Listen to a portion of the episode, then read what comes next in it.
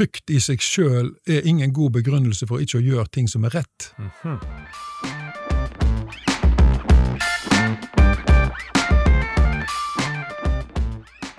Og, og, og da å få en mann til å innrømme at jeg trenger en mentor som jeg kan henge med og lære noe av, og, og sånt, eh, det sitter langt inne hos dagens norske menn, tror jeg.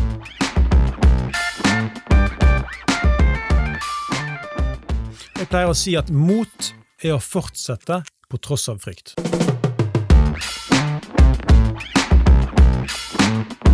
Du hører Mannspodden jakten på mannsidentitet. Bli med Andreas Skjelde og Einar Helgaas på din vei mot autentisk maskulinitet.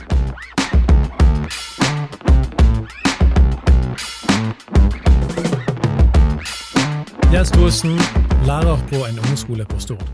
For en del år siden så var han eh, voksenleder for et kristent skolelag. Det betyr at han som voksen fulgte de opp, møtte de i storefri og spiste matpakke med de, og hadde et enkelt kristent opplegg. Dette fant rektor på skolen ut at ikke kunne fortsette. Han som lærer måtte ut av dette, og konfronterte Jens med at dette måtte opphøre. Hvorpå Jens Thoresen sier der må du bedre tåle. Så i en situasjon der eh, han kunne sagt at ok, når autoriteten sier nei, så må vi gå med på det. Men så står han rakrygga av at han har noen grunnleggende verdier han mente skulle gå foran. Velkommen til en ny episode i Mannspodden. Vi har igjen besøk av Jens Thoresen, som altså er pastor eh, og lærer eh, på Stord. Eh, Dagens tema går på mot, det går på integritet, hvordan stå opp for sannhet, og hvordan bli sterk eh, i sånne situasjoner. Og Jens, du, eh, du, eh, nå har jeg fortalt historien, du kan eh, utdype det som, mm. det som mangler her, for jeg tok det etter husken. Hva er det som gjør at du kan, kan reise deg opp og stå imot rektor? For det tror jeg faktisk 98% av andre kristne lærere ikke ville gjort. Ja, si da. Altså, akkurat i den situasjonen da hun eh, sa de tingene til meg, så, så, så tenkte jeg bare at det, dette her er ikke korrekt. Eh, her må det være en feil. For vi, vi, vi, vi holder ikke på med noe ting som er til skade for noen som helst. Eh, så jeg bare kom på å si da at eh, nei, dette må du tåle, men hvis du kan hoste opp noen regler som gjelder for alle ungdomsskoler i hele landet, at det ligger noe felles regelverk til grunn for det du sier til meg, for det må være likhet for loven eh, når det gjelder disse tingene, at lærere ikke kan være voksenledere. Eh, hvis du klarer å finne et sånt regelverk, da, eh, skal da skal jeg høre på deg. Men hvis ikke du klarer å finne det regelverket, da fortsetter jeg. Eh, ja, ok, sa hun, jeg, jeg skal se hva jeg kan finne. Men hun fant jo selvfølgelig aldri et sånt regelverk, for det eksisterer ikke. Nei. Og dermed så bare fortsatte vi, og det ble ikke mer eh, snakk om eh, voksenlederarbeid i hele tatt. Så det gikk veldig fint. Det forstår jeg, Um, men, men eh, det er klart at jeg tror at, eh, som jeg sa i sted, at jeg tror svært mange ville sagt bare ok, da stopper jeg med det. Ja. Fordi den som har autoritet på plassen, Ja, har sagt at du ikke du kan det. ja. Um, og, og da er jeg ute etter å spørre deg, hva er, det du, hva er det som har skjedd i ditt liv som gjør at du i en sånn Det er greit nok at du syns det ikke var riktig, Mm. men du ville da stå opp for noe som du mente var sant. Og det går jo på alt fra religionsfrihet til ytringsfrihet til organisasjonsfrihet til at dette var en ufarlig ting at du spiste matpakken med to kristne på skolen i Storefri. Men det er jo et eller annet som gjør at Jens Thoresen kjenner en styrke inni seg til å gå imot en autoritet. Mm. Og da spør jeg deg, hva er på en måte hva komponenter i ditt liv er det som bidrar til noe sånt? Eh, Du vet at akkurat i den situasjonen der, så, så snakket hun med en som hadde vært voksenleder på laget i nesten 30 år. Ja. Eh, Så jeg, så jeg, jeg, syns jeg hadde en, en, en god tyngde i ryggen der når det gjelder historien. Ja. Eh, For det andre så har jeg hele tida kjent på at eh, Gud har hatt et ønske om at jeg skulle være voksenleder. Så lenge det var kristne elever på skolen som hadde interesse av å drive et lag, Ja. så skulle de ha en støtte like i nærheten av seg, Mm. eh, som kunne hjelpe dem både med det, med det ene og det andre. Mm. Eh, og, og så lenge jeg har en overbevisning om at Gud ønsker jeg skal gjøre noe, så, så gir jeg meg veldig sjelden på det, altså. Mm. Eh, For da er jeg under en høyere autoritet Du enn skal heller, rektor. heller lyde Gud enn Ja, mennesker, som ja. det jo står et visst sted. Ja, faktisk talt, altså. Så, så da er jeg under en høyere autoritet enn rektor. Hun kommer på andreplass, da. Eh, så, så sånn er det. Jeg skjønner, men fortsatt så er jeg nysgjerrig på litt mer av din personlige reise Ja. i å komme dit. Én ting er at du har 30 års fartstid som en sånn voksenleder for unge kristne som samles på skolen. Greit nok. Jeg forstår at det kan gi en sånn opplevelse av autoritet, da, ja. som, som, som er fin. Men du har jo hatt en personlig reise. Du må jo ha gjort uh, både uh, altså utforskinger som har gått gale, og ting som har gått godt, Ja. i forhold til å finne tak i et mot, Ja. en integritet. ja. Hva andre ting er det som har betydd noe for at du har kommet eh, til en sånn type styrke, da? Ja, altså det ligger nok lite grann i min personlighet. At jeg har, eh, jeg har aldri liksom eh, vært den typen som eh, har tatt en autoritetsord for sanne og gode og gyldige sånn automatisk. God fisk, liksom. Nei, alltid vært sånn at det må være en veldig god begrunnelse bak, selv om de står på toppen av en rangstige, så kan de ikke handle ut ifra formell autoritet, det må ligge noe mer i botten. Eh, Det har egentlig vært en sånn bevisst tanke for meg alltid. At det kan du begrunne vedtaket ditt på en god Ja. måte, så skal jeg se om jeg kan føye meg for det. Og det burde jeg jo ha gjort, men hvis du ikke har en veldig god begrunnelse, Ja. så, så, så har jeg ikke lyst automatisk å føye meg. Og det er klart at Hvis rektor hadde stått veldig på og lagd et voldsomt lurveleven, så kan det vel hende at jeg, at jeg hadde handla på en annen måte, men det var tydelig at hun var ikke så interessert i å krisemaksimere akkurat av det der. Og når jeg merka da at uh, hun var egentlig litt på vikende front, da kjente jeg overtaket. ja, det er vel fort gjort eh, sånn. Ja. Men du har iallfall ikke autoritetsfrykt. Nei, eh, En autoritet må begrunne det Ja, skikkelig da, for at du da. skal være med på leiken. Ja da, det, det, det er viktig at det formell og saklig autoritet må gå litt hånd i hånd. Mm. Men så du begrunner denne styrken din mye med din personlighet. Ja. At du, du, du har vært kjent for dette i mange år. Ja. At du står opp for ting som du tror på. og- ja da, og noen mener jeg har stått opp for litt for mye. Men, eh, men eh, det, ligger nok, det ligger nok litt grann der på personligheten. Eh, Men når det gjelder akkurat mitt kristne engasjement, så er nok forklaringen heller den at når jeg opplever at Gud har gitt meg en tiltale på ting, da må jeg gå for det, selv om det kan koste meg dyrt, faktisk. For, for, for da er det liksom en, en sånn voldsom kraft som driver meg, Mm. som jeg ikke kan stå imot. Ok. Det, det er nesten som et imperativ. Så det er sterkt driv. Ja, et veldig sterkt driv. Mm. Eh, og, og for å igjen komme litt inn på dette med, med Bibel, da, så står det en plass eh, om at nidkjærheten for ditt hus Ja, nå husker jeg ikke noe, som brent opp? Nei? Ja, nidkjærheten for ditt hus tar nesten livet av meg. Ja. Altså Det er et sitat fra Salmenes bok som Jesus eh, blir eh, i alle fall identifisert med i evangeliet, Mm. i forbindelse med at han driver ut pengevekslerne fra tempelets forgård. Mm.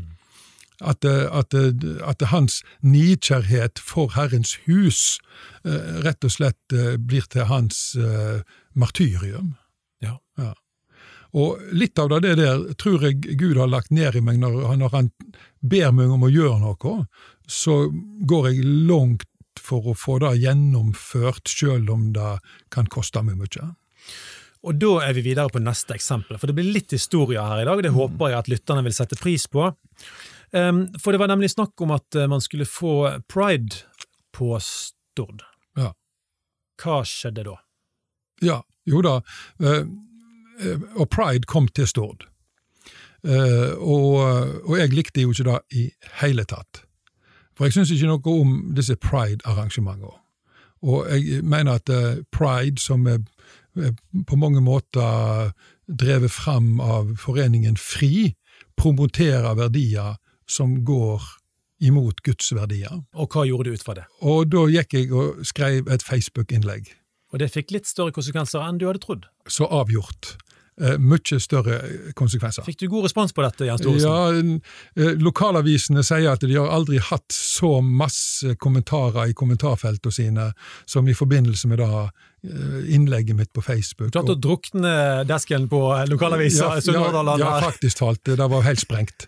Det var helt sprengt. Og det ble helt sprengt også på min egen Facebook-side.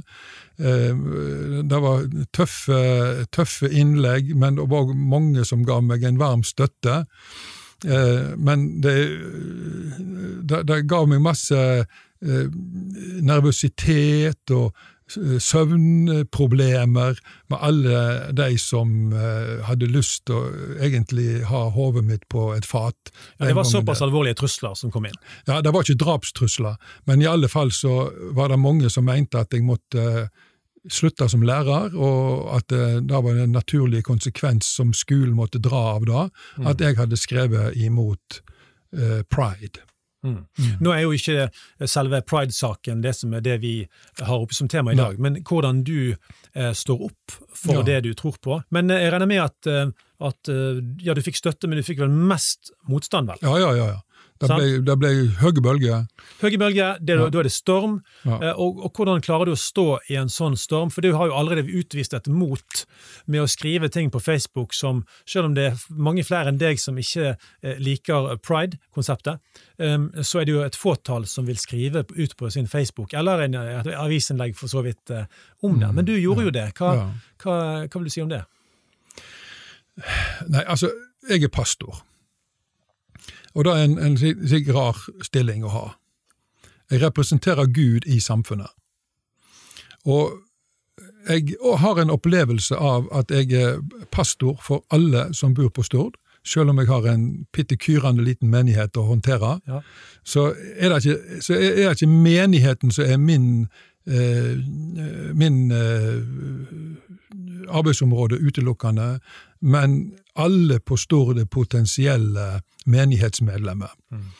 Så jeg opplever meg som en Og da kan du si at det, er veldig innbilskt og toskete, men jeg går rundt og tenker på meg sjøl som hyrde for alle som bor på Stord, og da må jeg fortelle dem hvor den rette veien går. Mm. Om de vil høre eller ikke høre. Men det er hyrden sin jobb å passe på sauene sine. Og det var det som motiv også motiverte meg til å være en sånn Eh, og noen vil jo si en sånn bedreviter eller et eller annet sånt, men jeg prøvde også å gi folk en eh, informasjon om hva overhyrden mener om disse sakene. Mm. Mm. Skjønner. Men det fikk jo konsekvenser. Eh, angrer, angrer, du på at du gjorde dette? Eh, nei, jeg angrer egentlig ikke på at jeg gjorde dette. det må jeg si, det, det gjør jeg ikke. Men jeg var vel egentlig ikke oppmerksom på Eh, hvor stor publisitet det skulle få. Så hvis jeg hadde tenkt at jeg skulle få så stor publisitet, så hadde jeg nok valgt en annen presentasjonsform i et annet medium. Nettopp, ja. For dette, da, dette gikk jo nasjonalt. Jeg gjorde det. Så da hadde da hadde jeg heller skrevet i lokalaviser. Ja.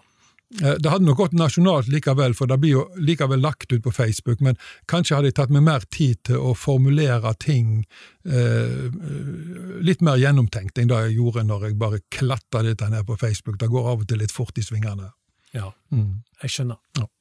Men du, eh, jeg har lyst til å trekke fram et par andre eksempler. Eh, for dette her handler da om Jens Thoresen som eh, er modig, står for verdier og, og ikke er redd for å, å, å stå fram. Men, men, men, bare én ting før jeg begynner med de to neste. Blir du redd knytta til de gangene du reiser deg opp? Ja, kjære folk. Hver gang. Før, før det kommer på, og etter at det har kommet på. Eh, så, så, kan jeg være livredd. Ja. Eh, jeg kan ha skikkelig skjelvinger i magen og i bein og alle veier. Så ja, redd, da kan jeg fort bli. Jeg pleier å si at mot er å fortsette på tross av frykt. Ja. Gir det gjenklang i Ja, da gir, da, da gir gjenklang. og Eh, frykt i seg sjøl er ingen god begrunnelse for ikke å gjøre ting som er rett. Mhm. Betyr det at du anbefaler gutter som hører på, å trene seg på å reise seg for ting, om det er på Facebook, i avisinnlegg, eller med en vennegjeng, eller på familiefest, Ja, avgjort. istedenfor å bare sitte stille? Ja og... da. Det syns jeg er viktig. Det skulle ellers bare mangle. Eh, Vi er skapt i Guds bilde, og Gud han sier klart meninga si. Og da får vi holde på med det, vi også. Ja, vi, vi skal lytte til overhyrden, Ja. og så skal vi Ja. gå på det som han sier, Ja. sier du. Ja. Jeg, satt i, jeg satt i går sammen med noen konfirmanter og prata, og der er det, så er det en som sier da, en som har vært litt sånn engstelig for å flagge si kristne tru, eh, at Og dette har vært litt problematisk for han. Og så sier han på vei hjem fra skolen nå en dag, så tok jeg en beslutning, sa han. Jeg vil holde høyt at jeg er kristen, sjøl om det påfører meg problem. Hmm. Og Da må jeg si, da syntes jeg var så fint å høre ifra en ungdom. Så reflektert Mm. og så korrekt. Du skal ikke være redd som ungdom for å fortelle hva du står for og hvem du er, Mm. men veldig mange unge er det. Mm. Og da ser vi også kristne ungdommer på skolene i våre dager. De, de er veldig redd for å stå fram som kristne. De går der med trua si, Mm. eh, men de vil egentlig ikke på, ha den belastningen som det er å eventuelt bli ekskludert fra en vennegjeng, eller ikke bli akseptert. Så det er viktig at de voksne faktisk talt står fram som forbilde for ungdommene. For vi skal aldri klandre ungdommene for noe som helst, Mm. men, eh, men, men når voksne mennesker ikke tør å stå fram og flagge hva de står for og hva de tror på, så påvirker dette ungdommene i samme retning. Mm. Så de vi overfører vår frykt på de unge, Mm. og det er ikke bra. Og dette er jo også, altså Nå jobber jo jeg i laget, og for noen få år siden så hadde vi en studentundersøkelse som viste at 90% mente at kristne studenter hadde troen i skapet, Ja. Og ikke sto fram med den. Og Det gjenspeiler dette bildet, at eh, studenter som jo er jo egentlig blitt voksne, selv om vi kanskje ikke alltid behandler de som voksne, Mm. eh, ønsker på en måte ikke å, å, å dra opp det flagget og heise det opp, Mm. eh, fordi det er konsekvenser man vil unngå. Men du er jo en som reiser deg opp når du syns du skal det, Ja. og står opp for sannhet. Eh, Vi ser at eh, mange studenter, og egentlig for så vidt mange, ikke tør dette, for de er redd for konsekvensene, og blir sittende stille. Men du, inni deg så vet du at du sitter på en sannhet som du kunne ha sluppet fram. Ja. Hva er det de taper? Hva er det de går glipp av, de som sitter stille istedenfor å reise seg? ja, altså, de, de kan gå glipp av litt motstand. ja, men motstand høres jo ikke bra ut, Jens. Nei, ikke sant? Det er òg en, en erfaring. Eh, Jesus sier en plass 'Ved dere om alle taler vel om dere'. Oi sann. Ja. Eh, slik at, at eh, og, og, og en plass i apostelgjerningene står det at vi må gå inn i Guds rike gjennom mange trengsler. Slik at trengselen er en normal del av kristenlivet. Og, og er du på vei mot livet, så vil du møte disse trengslene. Sånn er nå bare det. Men, men en annen ting som eh, en òg går glipp av, selvfølgelig, det er et utrolig spennende liv. Et interessant liv. Og du, du, du Et liv i stormen. Ja, et liv i stormen. Og, og da skal jeg love alle at når det stormer som mest, så føler du virkelig at du lever. Nettopp, Du ja. er ikke, du er ikke noe i tvil om det. Og du får en eh, Selv om at det, det er ting som eh, smaker vondt, så får du litt sånn sjølrespekt ut av det. Det er jeg som Ja. står her. Det er jeg som har sagt ifra. Mm. Og, og nå er jeg litt grann i fokus òg. Det kan jo òg være litt deilig for noen av oss Ja, ja, enkle Jeg ser den. Ja. John Eldridge, som er en eh, stor mannsguide, verdensvidt, snakker jo om at du må la verden rundt deg få merke vekten av den du er. ja. Og det har jo du da gjort. Mm. Du veier jo faktisk noen flere kilo enn meg òg, så du har jo Ja. litt mer vekt du kan trykke på med, men, men pluss at du har alder og, og, diverse andre ting. Så det å legge litt vekta på, Mm. hvis det er en grunn for det Ja. Men du gjør jo det aldri uten at du mener det er en grunn. Du går ikke rundt i hytt og pine og, og, og, Nei, for all del. Sant? Ja.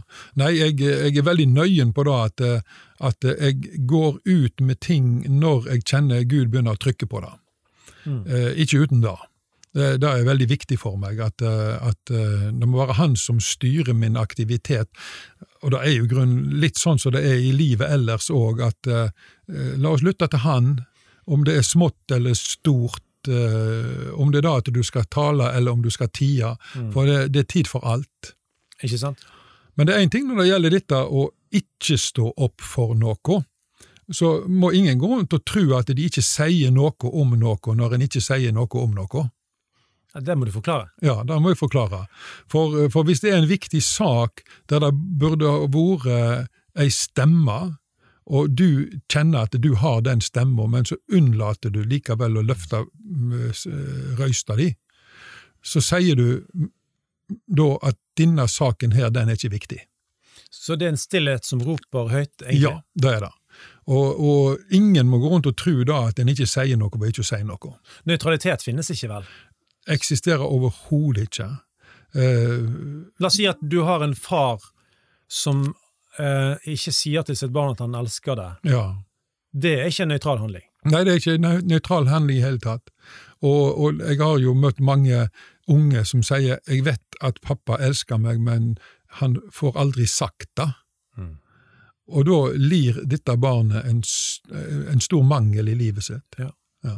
For dette skal nemlig sies Mm. Av fedre. Det er helt riktig. Ja. Det opplevde jeg, men det skal jeg ta i en annen episode. Ja. Men Jens Thoresen, plutselig var det noen som ville ha yogakurs. Ja, ja. Hva tenkte du om det, og hva skjedde? Nei, det er ikke bra. Yogakurs er ikke bra, tenkte jeg.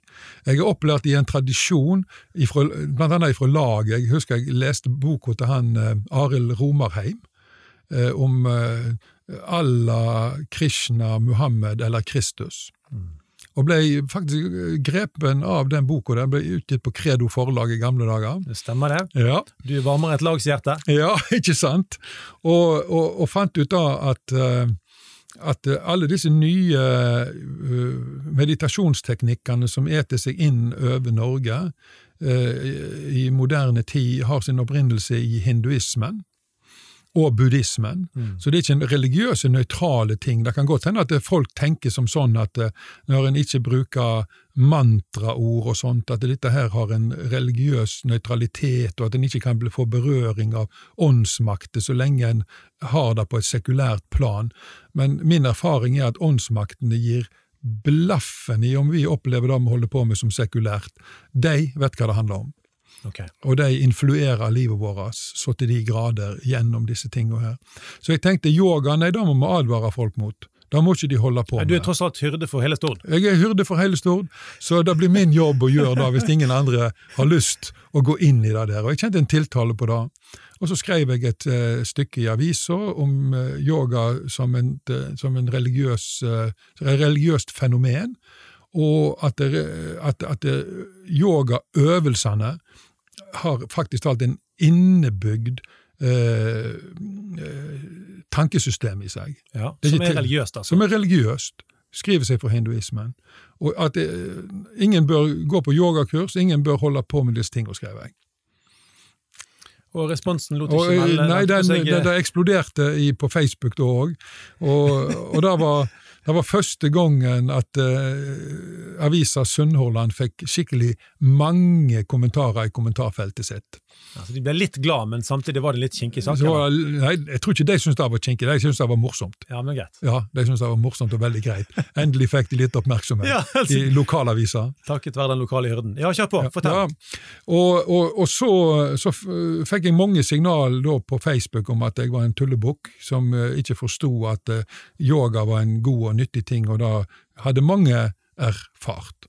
Ja. Men, eh, men, sånn, men for å gjøre en eh, lang historie kort, yogakurset ble holdt på Stord hotell. Eh, De hadde forventa 200 deltakere, og det kom 30. Ja. Ja. Så det at du informerte lokalsamfunnet om at kanskje ikke dette bare var en vid åpen dør, Ja. helt nøytralt, Ja. Det, det, det påvirker lokalsamfunnet Ja, jeg, jeg, jeg tror jo det. Jeg kan jo ikke vitenskapelig si og, på, påvise at det var denne, dette stykket som fikk eh, folk til å ikke søke på kurs, men eh, jeg tror det hadde betydning. Ja. Ja. Men eh, Jens, så var det jo en bedrift som eh, tenkte de skulle øke produktiviteten Ja, gjennom en annen form. Altså, Ja. hva skjedde? ja det, det er jo betydelig mye lenger siden, men det var en bedrift på Stord som, eh, som hadde bestemt seg for å eh, holde kurs i transcendental meditasjon for sine arbeidere, eh, fordi de hadde vel egentlig hørt på en guru som fortalte at dette ville øke produktiviteten og redusere sykefraværet i bedriften. For meg så er transcendental meditasjon av akkurat samme opphav som, som yoga og annen type meditasjon. Mm. Uh, og det er transcendent, og der ligger det jo i navnet, i ordet, at dette det handler åndelig. om åndelige ting. Ja. Uh, hin, ting som tilhører hinsiden. Så jeg skrev en artikkel, en ganske lang artikkel om transcendental meditasjon i avisa, med da resultat at kurset ble avlyst. Ja. ja. Så det har, har betydning, men da var det ennå såpass tidlig i disse New Age-tider at det var veldig lite kjeft å få. Eh, det eneste jeg opplevde da var litt herlig, fordi at eh, en gammel pensjonert sokneprest gikk ut i avisa noen dager etterpå og skrev at det, eh, det var fantastisk å lese den artikkelen om transcendental meditasjon som var skrevet av frikirkepastor eh, og sånn. og så skrev han da at eh, jeg er uenig med frikirkepastoren i mange ting, men dette er jeg sammen med han i. Ja, det var så fint. Litt ja, enhet mellom ja, de kristne. Ja. og så ringte jeg til den gamle soknepresten og fikk en herlig prat med han, og takka han for støtte. Ja, men så fint. Ja. Veldig bra. Jeg har lyst til å, eh, mot slutten her i denne episoden, fortelle deg en eh, historie, um, siden du er lærer òg. En historie fra et lærerkollegium. Jeg tror dette skal ha vært på Sotra utenfor Bergen. Litt usikker, så hvis noen av lytterne vet dette, så har jeg behov for informasjon om det, faktisk. Saken er den at uh, i et lærerkollegium, og ofte så er det jo sånn at det er mange kvinner og få menn ute i den norske skole. Ja. Eh, dette var nok en sånn skole. Eh, men der var det en mann som, typisk i 50-åra, en trygg, litt sånn klassisk maskulin mann som hadde lett for å slenge litt spøker her og der, men veldig vennligsinnet. Ingen sånn mm. uh, machomann som ville ødelegge for folk, men han var, han var trygg på seg sjøl. Han hadde uh, god bass i stemmen sin, og mm. ja. uh, elevene likte han. og gitt hva som skjedde på lærerværelset? Mm. Jo, de unge mannlige lærerne, som var få i forhold til de kvinnelige, hver lunsj så samla de seg rundt han ja. i et hjørne av lærerrommet, mm. og der var det full fest. Full mm. mannefest. Eh, og, og, han var tryggheten. Han var limet i denne lille manneklubben. Ja. Eh, det som fortelles, er at disse lærerne, de andre lærerne, de hadde blitt såpass prega av miljøet at de til og med hadde lysna opp stemmen sin. Altså Denne naturlige mannestemmen hadde de begynt å, å, å, å tone ned og blitt lysere i stemmen. For å sjarmere denne mannen? Nei, det var ikke for å sjarmere mannen. det var jo fordi de var prega av, ja. av, et miljø som var veldig feminint. Ja, sånn ja, jeg skjønner. Men ja. poenget var at når de var sammen med denne mannen, ja. da fikk de mer tilbake enn sin maskuline røst. Altså De sank litt mer ned i bassen sin. Det gir mer mening. Eh, og det var sikkert rungende latter og, og ja. grapskratt som skjer når ja, gutter ja, samles, og det tenker jeg er sunn og god mannskultur, ikke minst når den er vennligsinna. Men så slutter da denne trygghetens apostel eh, eh, på denne skolen, og manneklubben blir oppløst. Mm. Eh, de lysner stemmene sine igjen, igjen, for dette er jo et sted der maskuliniteten ikke skal bruse med fjærene. Mm. For han trygge mannen var jo ikke redd for å bruse med fjærene, Nei. men på en, vennlig, en vennlig måte. Ja. Hva leser du ut av dette, eh, Jens, i, i, i moderne Norge? Mm. Eh, maskulinitetens plass, om den er akseptert eller ikke, om den får mm. rom eller ikke? Ja. Altså, umiddelbart så tenker jeg meg liksom at eh, menn, menn trenger mentorer. Det er, det, er det, første, det, første, som slår meg i, i forlengelsen av den historien. Mm. Eh, og, og, helst bør det være mannlige mentorer som vet hva de holder på med, mm. og hva mål de har. Men nå var jo dette her ingen altså Denne mannlige læreren her, han hadde jo ikke noe spesielt eh, formål med å være en mentor for sine mannlige kollegaer. Det ble mer sånn spontant, ikke sant? Eh, men, men eh, jeg, jeg, tenker meg liksom at det sier meg at eh, kanskje bør menn som har en trygghet i seg sjøl, som har levd ei stund, som har erfaring med det også, å, være en mann i god forstand, påta seg rollen å være mentorer for andre. Og, og, og ha i mål og mening med det de holder på med. Men nå snakker du om mer enn spontan mentoring, sånn som dette på en måte Ja, da må, det, da må det være noe som er gjennomtenkt. Nå er det intensjonell mentoring du òg snakker ja, om. Ja, om. Syns du norske menn gjør for lite av det? Ja, altfor lite. Altfor lite. Her på Stord, de, de gjør ikke sånt? Nei, ikke så jeg eh, kjenner til. Nei. Eh, og- Er vi for redde er- hverandre? Nei, jeg tror at det som er problemet, det er at hvis en mann mener at jeg har noe å bidra med i så måte overfor andre menn, så er det vanskelig å få andre menn med på det. Okay. For, for, for dette med mentorskap har to sider. Du må ha både disipler og mentorer.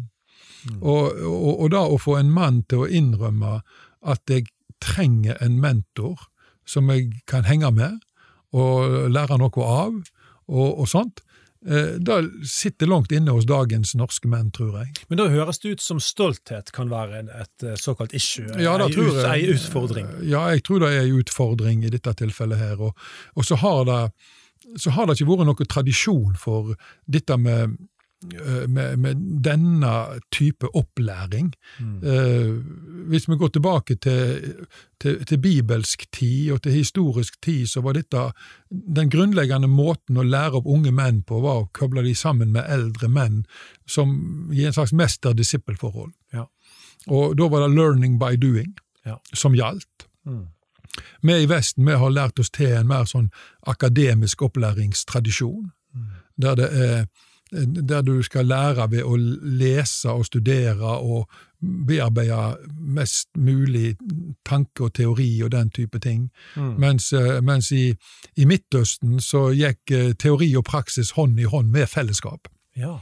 Og det er en veldig sånn interessant måte å bygge opp undervisning på, og, og en veldig autentisk måte, veldig livsnær måte. Mm. Og, og, og da tror jeg også for, for, eh, og særlig for kristne som opplever at de har en lav funksjon på enkelte områder, for eksempel evangelisering og disippelgjering, så opplever vi mange at vi har en lav funksjon, og det er fordi vi aldri egentlig er blitt opplært i kunsten av en som kan det. Okay. Så, så, så da tror jeg er Kanskje tilhører det framtida, at vi begynner å jobbe sånn. Mm. Det er litt mer sånn tidkrevende måte å jobbe på, egentlig. Tror du det er noe av grunnen til at det blir lite prioritert, at det er for lite effektivt? Ja, jeg tror det. Det binder opp veldig masse ressurser, Ja, og så må du samtidig finne de mennene som er trygge nok på seg sjøl til å tilby sin mentoring. ja det tror jeg.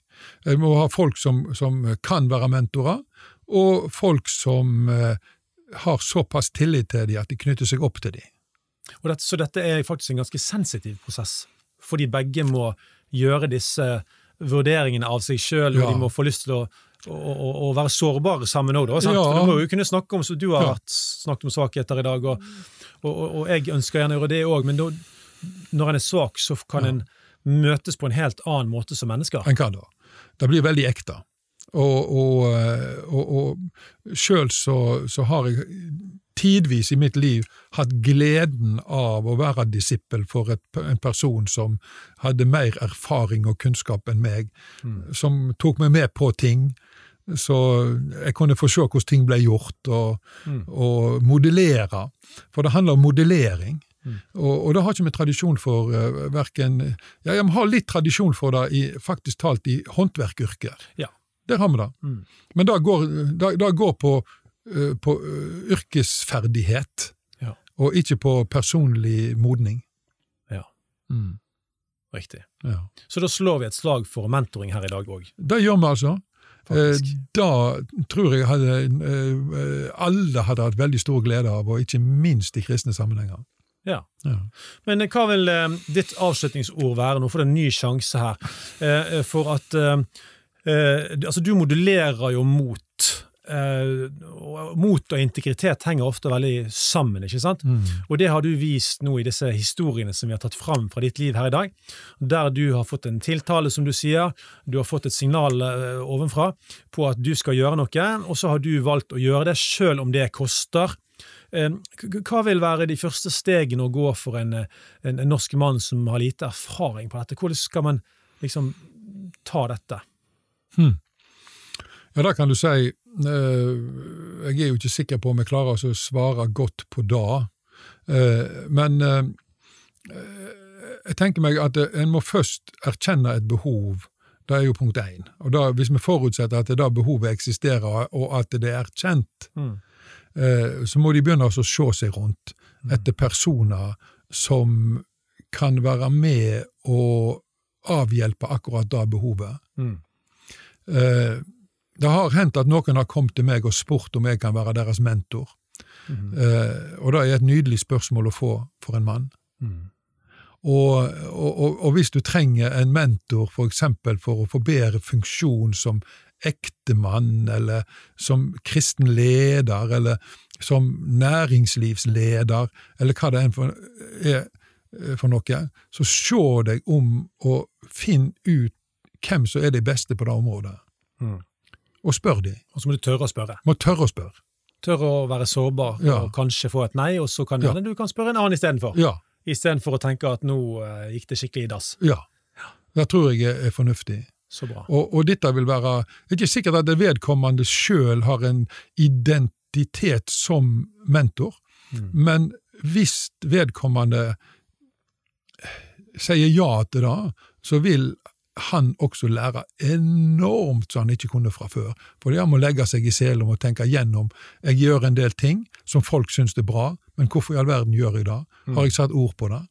La meg prøve å finne noen ord på de tingene der. Så du blir faktisk raffinert litt i, din- din- dine, egne egenskaper Ja. gjennom å være mentor. Ja, faktisk talt, altså. Ja. Stilig. Du lærer så lenge du har elever. Ja.